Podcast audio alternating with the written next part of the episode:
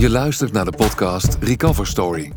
Ik ben Rogier van Oosterhout en ik spreek met mensen die vanuit een levensontwrichtende ervaring de weg naar herstel, ontwikkeling en ontplooiing hebben gevonden en hun verhaal met jou willen delen. Mijn naam is uh, Ruud Spaans, ik ben uh, 51 jaar en ik ben seksueel misbruikt vanaf mijn 12e tot mijn 23e. Uh, dat was door een kennis van onze familie.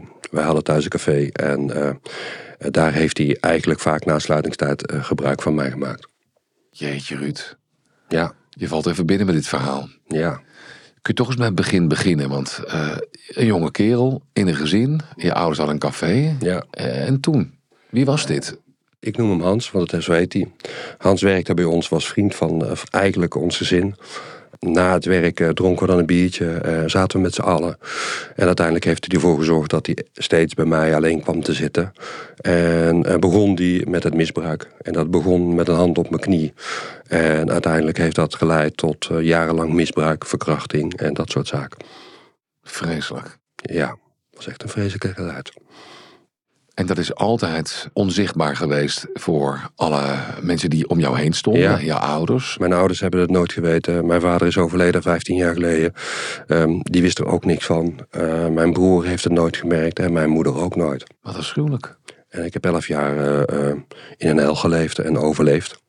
Voelde dat toen ook zo? Of kijk je daar zo op terug nu je weet hoe anders het leven kan zijn als dat over is? Ik ging er ook altijd vanuit dat wat Hans deed, iedereen zo iemand had. Ja. Dat was wel het verhaal. En daardoor ben ik nooit voor mezelf opgekomen dat ik dacht van ja, dit heeft iedereen in mijn leven. En dus ook niet bespreekbaar gemaakt met vrienden, omdat je het niet bijzonder genoeg vond? Nee, Hans zorgde er ook wel voor dat, ik, dat het wel geheim moest blijven. Ja? Dat gaf hij me wel mee.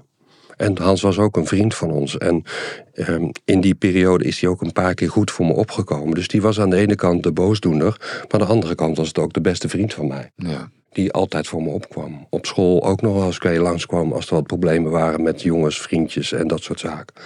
Dan was hij er altijd wel. Dus hij had ook zijn goede kanten. Wat maakte dat je een uh, trouw bent gebleven of ja. loyaal bleef aan hem? Nou ja, mijn ouders hebben ook gezegd op een gegeven moment... ga maar mee met Hans een weekje uh, naar zijn werk toe. En dat werkte hij in, in, Frankrijk. En dan zie je dat je overdag een fantastische dag had. Want je was als jongen 13, 14, mocht je ergens zijn bij de Tour de France. En wat fantastisch was om mee te maken, totdat je s'avonds in de slaapcabine kwam. Of in het hotel kwam. En dan maakte hij misbruik van me. En uh, dat, dat gedeelte, dat laatste gedeelte, zie je dat ik dat altijd maar verdrong. Door uh, alcohol te drinken en de pijn te verzachten. En dat is al vroeg begonnen dus? Ja, ik denk dat ik vanaf mijn twaalfde inderdaad aan alcohol ben begonnen. En toen nog veel meer dronken als dat ik nu ooit gedaan heb. Goh. En er komt een moment, hè, je, je zegt het heeft op mijn 23e geduurd, ja. dat, dat, je inziet van ah, dit is toch niet normaal wat hier gebeurt. W wanneer is dat geweest? Nou, dat is vanaf mijn 23e geweest. Toen ben ik in het buitenland gaan werken. Ben daar mijn vrouw tegengekomen en heb daar ervaren wat een mooie relatie is. En uh, dan zie je uh, de wereld heel anders in één keer. En dan weet je eigenlijk, uh, als je terug naar Nederland komt, want wij zijn na een jaar teruggekomen, wat Hans gedaan heeft eigenlijk niet normaal is. En dan kom je uiteindelijk voor jezelf op, door keihard nee te zeggen. Je hebt hem afgewezen toen je terugkwam? Ja, ik weet nog waar en hoe laat en wanneer. Hoe was dat? Uiteindelijk voelde dat heel goed. Hij was wel heel boos, maar dat zei dan zo. Ik kon eindelijk voor mezelf opkomen. Ik was een man geworden in dat jaar in het buitenland, want daar heb ik echt voor mezelf op moeten komen. Um, en dat heb ik uiteindelijk tegen Hans ook gedaan. Ja, daar is echt de zon opgekomen, zou ja. maar zeggen. Ja. Op je 23 in het buitenland. En toch komt er een moment dat je daar nog mee aan de slag wil. Want heeft jouw vrouw ervan geweten dus? Nee, mijn vrouw heeft er niet verweten. Totdat uh, ik twaalf jaar geleden of elf jaar geleden zag ik een documentaire op, uh, op televisie. Over een jongen die eigenlijk hetzelfde verhaal had. Die had ook een vriend in kennis in de familie. En die vertelde ook over het misbruik. En toen dacht ik, hé, hey, dit is mij ook overkomen. En nadat ik die documentaire heb gezien, ben ik naar beneden gegaan. Mijn vrouw zat op de bank. En toen heb ik haar verteld wat me overkomen was. Want die wist ook nergens van. Ik heb het altijd in mijn hoofd in een luikje dicht gedaan en nooit meer open gedaan. En al die jaren heb jij dat in je kluis opgeslagen Ja. gehad. Ja? En met niemand besproken Nee. verder? Ging ook niet. Nee. Wou ik op dat moment ook niet. Nadat Hans weg uit mijn leven was, eh, heb ik eh, het geluk gevonden in een mooie relatie, in een mooi leven samen, in de kinderen die wij kregen, in de eh, goede dingen die we wel meegemaakt hebben, gelukkig daarna. Daar heb je je ook niet geremd in gevoeld? Nee, absoluut niet. Ik heb wel me anders gedragen dan dat ik zou willen. En dat is iets wat je vrouw dat ook kon plaatsen, zeg maar? Of? Ja, dat heeft ze pas kunnen plaatsen toen ik echt hersteld was. Ah. Want toen zag ze niet meer de Ruud die ze wel zag. En wat, en waar zat hem dat in? Ik was heel snel boos. Ik kon om, om niks boos worden. Ik sliep slecht, dus ik was eh, vaak moe. Eh, en kon inderdaad eh, heel somber zijn. En echt heel somber zijn, uit, dat niemand wist waarom.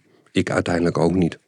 En jij kan dat nu wel plaatsen. Ja, nu weet ik echt wel wat er aan de hand is geweest, ja. Ja. Door de herstelfase die ik gehad heb en de herstelperiode gehad heb, weet ik, eh, en dat merk ik ook aan mezelf, dat ik, dat ik veel vrolijker en veel relaxter ben. eh, En niet meer die boze aanvallen heb. Dat ik niet meer eh, super geconcentreerd ben. Dat ik niet altijd naar de uitgang zit te kijken. Dat ik een aantal dingen gewoon niet meer doe. En dat ik wel klusjes in het huis kan doen. Dat ik wel mijn vrouw kan begeleiden, kan helpen. En de kinderen deed ik toch wel helpen, maar op een andere manier. En nu sta ik veel relaxter in het leven. Je hebt het tegen je vrouw kunnen vertellen na al die tijd. Ja. Hoe was haar reactie? meelevend. Die schrok ook. En eh, toen heb ik haar verteld wat die elf jaar, wat er allemaal gebeurd was. En eh, ehm, toen schrok zij enorm, want dat had ze niet verwacht. Het is de eerste keer dat jij dat deelde. Ja, Hoe voelde dat voor jou dan? doodeng. Bijna net zo eng als hier zitten. Ja, want ook dit is spannend. Ja, dat doet echt spannend, ja. En het, eh, tegen, tegen je vrouw vertellen eh, eh, wat je in je jeugd hebt meegemaakt en de trauma die ik heb opgelopen, daar, daar, daar is niet niks. Ehm, en ik weet wel dat zij heel lief reageerde. Ze heeft me geknuffeld en hier moeten we iets mee. Punt. En dan ga je hulp zoeken. En de eerste stap is naar je huisarts toe. En dan ga je daar maar eens aangeven wat daar gebeurd is in het verleden. En dan eh, verwacht je eh, de hulp te krijgen die je zou willen. En die, eh, die kreeg ik niet. Je werd wel doorverwezen, toch? Ja, maar je hoopt dat er iemand de regie pakt voor je. Ja. Ik wist niet, en dat weet ik nu wel, maar toen niet, welke stappen er allemaal te nemen zijn. Nee. En uiteindelijk kom je dan bij een psycholoog terecht. En die gaat met je aan de slag. Eh, wat ik altijd wel vreemd vind, is dat er dan een wachtlijst van, van de eerste keer was het 12 weken was. Maar als je in de donkerste fase van je leven zit en je moet 12 weken wachten, dan hoop je dat er iemand je bijstaat. Dat is niet zo. Je wordt op de wachtlijst gezet en succes. Eh, dokter neemt geen contact met je op met je gaat na een week of twee. Eh, niemand helpt je in, in, in die fase. Je mag het zelf uitzoeken. En dat is verschrikkelijk, want je hebt hulp nodig. Hey, en, en toen, want je moest wachten. Eh, Ja, uiteindelijk heb ik met eh EMDS-sessies... zijn ze met mij aan de slag gegaan om het stukje voor stukje te verwerken.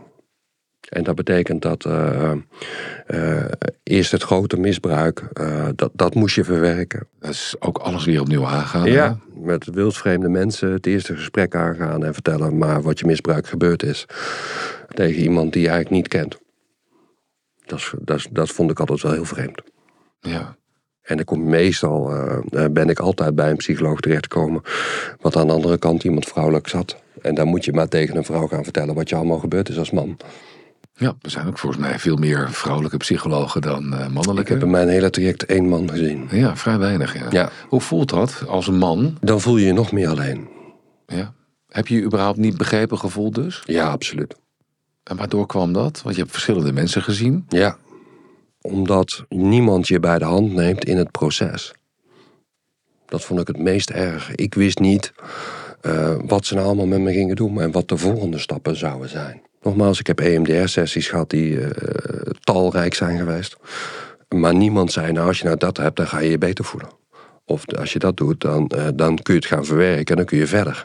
Dus je, uiteindelijk is dat heel vervelend. Heb ik heel nagevonden. Je bent er wel aan overgeleverd. Ja, je bent echt letterlijk overgeleverd aan het systeem. En het systeem vertelt niet de route. En dat is jammer. Ja, er is geen bewegwijzering op dat Nee. pad. En ik kan me heel goed voorstellen dat je het juist heel erg nodig hebt. Ja.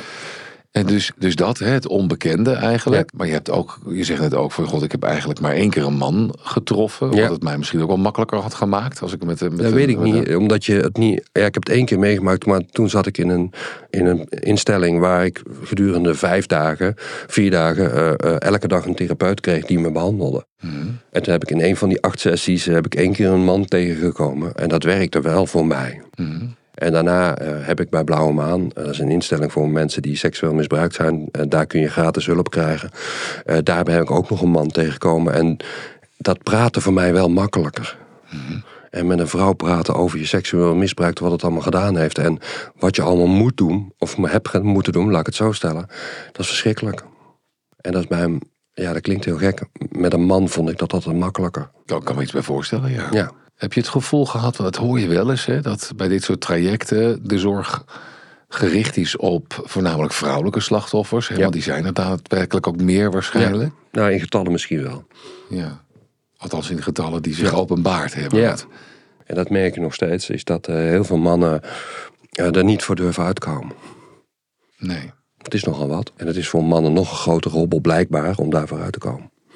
Is het ook wat je voelt als je hier aan tafel zit om hierover te praten? Nee, Dat niet. ik wil juist mannen eh, vertellen dat...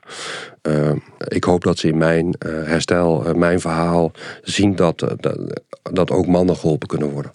En door er niet voor uit te komen dat het misbruik is geweest... vergeet je maar één iemand, dat is jezelf.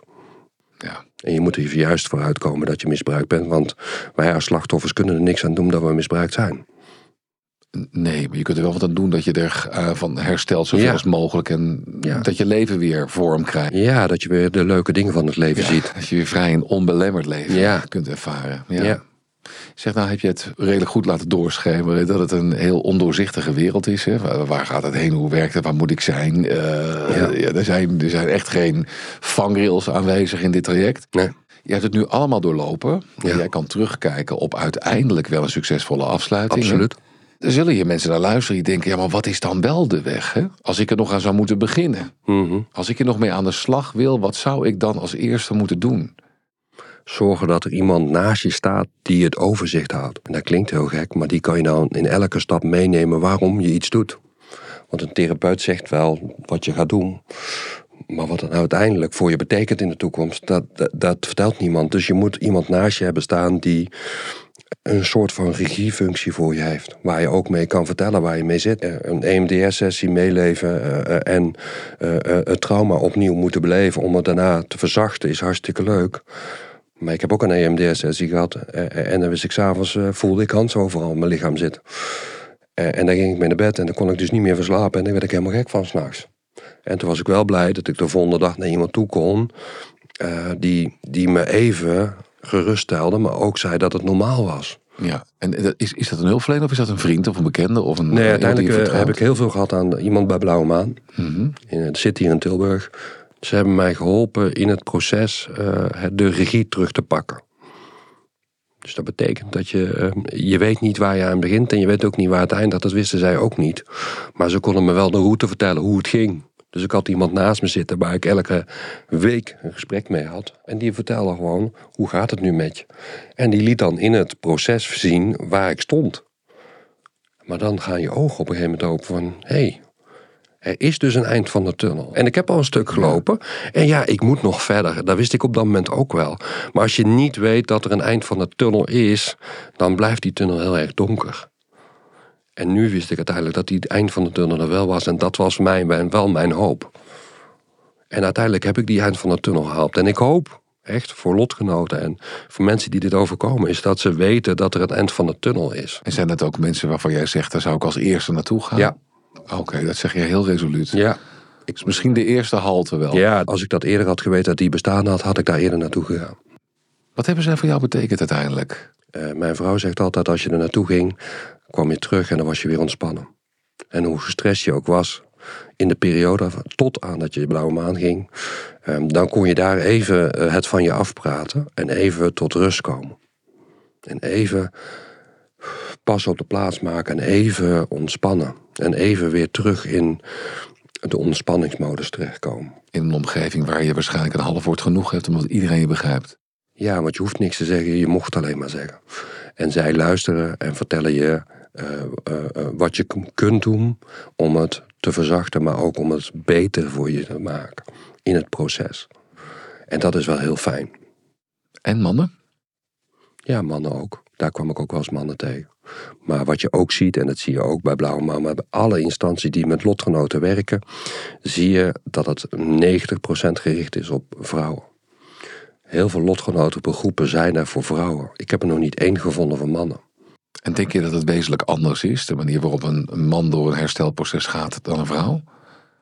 Door het herstelproces niet. Want dat is allemaal hetzelfde. Eh, je moet je trauma's verwerken. En dat doet ieder op zijn eigen methode. Maar het is meer dat je. Uh, als ik naar een lotgenotenbijeenkomst ga, dan wordt er mij gevraagd aan andere vrouwen die daarbij zijn. of ze het fijn vinden dat ik aan tafel erbij zit of in het gesprek zit.